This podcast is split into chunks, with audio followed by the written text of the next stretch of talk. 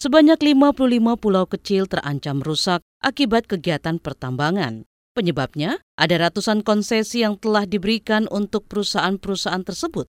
Bagaimana menyelamatkan pulau-pulau itu? Kita simak bersama Friska Kalia. Jaringan Advokasi Tambang Jatam mencatat ada 55 pulau kecil yang telah dikafling tambang. Staf Jaringan Advokasi Tambang Alwia Syahbanu mencontohkan pulau kecil yang terancam dengan aktivitas tambang di antaranya Pulau Bunyu di Kalimantan Utara, Pulau Gebe di Maluku Utara, dan Pulau Bangka di Bangka Belitung. Mengenai Pulau Bunyu, jadi kan laporan ini tuh fokusnya di tiga pulau. Pertama Pulau Bunyu yang berada di Kalimantan Utara, kedua Pulau GB yang berada di Maluku Utara, tiga ada Pulau Bangka. Beberapa hal yang hilang di Pulau Bunyu. Kami melihat ada pertama itu sumber-sumber air warga. Pertamanya ada tiga sumber air utama di Pulau Bunyu. Tapi sekarang mereka udah sangat kesulitan untuk mengonsumsi ketiga sungai-sungai itu karena memang sudah kering atau tercemar. Kedua yang hilang itu juga pangan di sana. Dan juga kami mengakses BPS juga menunjukkan kalau padi itu hilang di tahun 2014. Alwia mendesak agar izin pertambangan di pulau-pulau kecil tersebut dicabut, mengingat daya rusaknya yang hebat.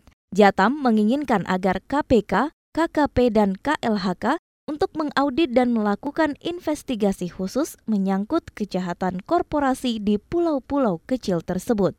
Menanggapi itu, Kementerian Kelautan dan Perikanan berjanji akan segera berkoordinasi dengan Kementerian Agraria dan Tata Ruang serta Kementerian Dalam Negeri guna membahas revisi peraturan daerah mengenai rencana tata ruang di daratan pulau-pulau kecil. Peraturan daerah mengenai rencana tata ruang di daratan pulau-pulau kecil itu yang tidak sesuai dengan ketentuan Undang-Undang Nomor 1 2014 tentang pertambangan di pulau kecil itu harus ditinjau kembali. Kita berkoordinasi teman-teman Kementerian ATR karena dia yang mengawal tata ruang daerah itu kan dengan teman-teman Kementerian Dalam Negeri karena dia itu yang menjadi pembinanya pemerintahan di dalam negeri kan. Kemudian dengan Kementerian KLHK dan juga dengan KPK menindaklanjuti kasus-kasus kasus yang terjadi dampak akibat kegiatan pertambangan di Pulau-Pulau Kecil. Direktur Direktorat Perencanaan Ruang Laut KKP Suharyanto mengatakan akan melibatkan KPK dalam menindaklanjuti segala kasus yang muncul di pulau kecil. Direktur Direktorat Perencanaan Ruang Laut KKP Suharyanto juga akan berkoordinasi dengan pejabat terkait di sektor pusat ESDM,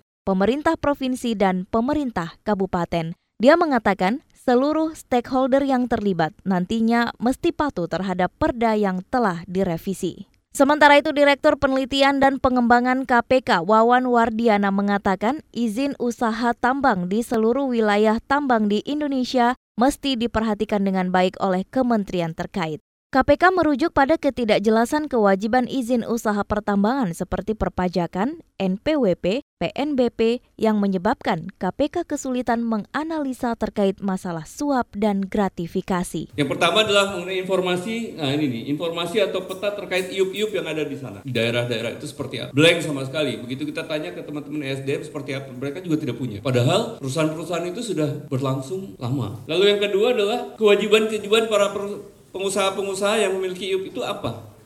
Apakah ada PNBP-nya dia apakah bayar? Pajak apakah dia bayar? Bahkan waktu itu kita kita kumpulkan dari 10 ribu itu ada kurang lebih 3 ribuan itu tidak punya NPWP ternyata. Kementerian Energi dan Sumber Daya Mineral ESDM mengklaim sudah punya data atau informasi perihal izin usaha pertambangan perusahaan tambang di Indonesia. Menurut Dirjen Mineral dan Batu Bara Kementerian ESDM, Bambang Gatot Aryono, saat ini, kementeriannya memiliki data perusahaan tambang yang telah mengantongi sertifikat clear and clean. Kita punya data yang yang yang CNC itu yang termasuk NPWP-nya ada kan.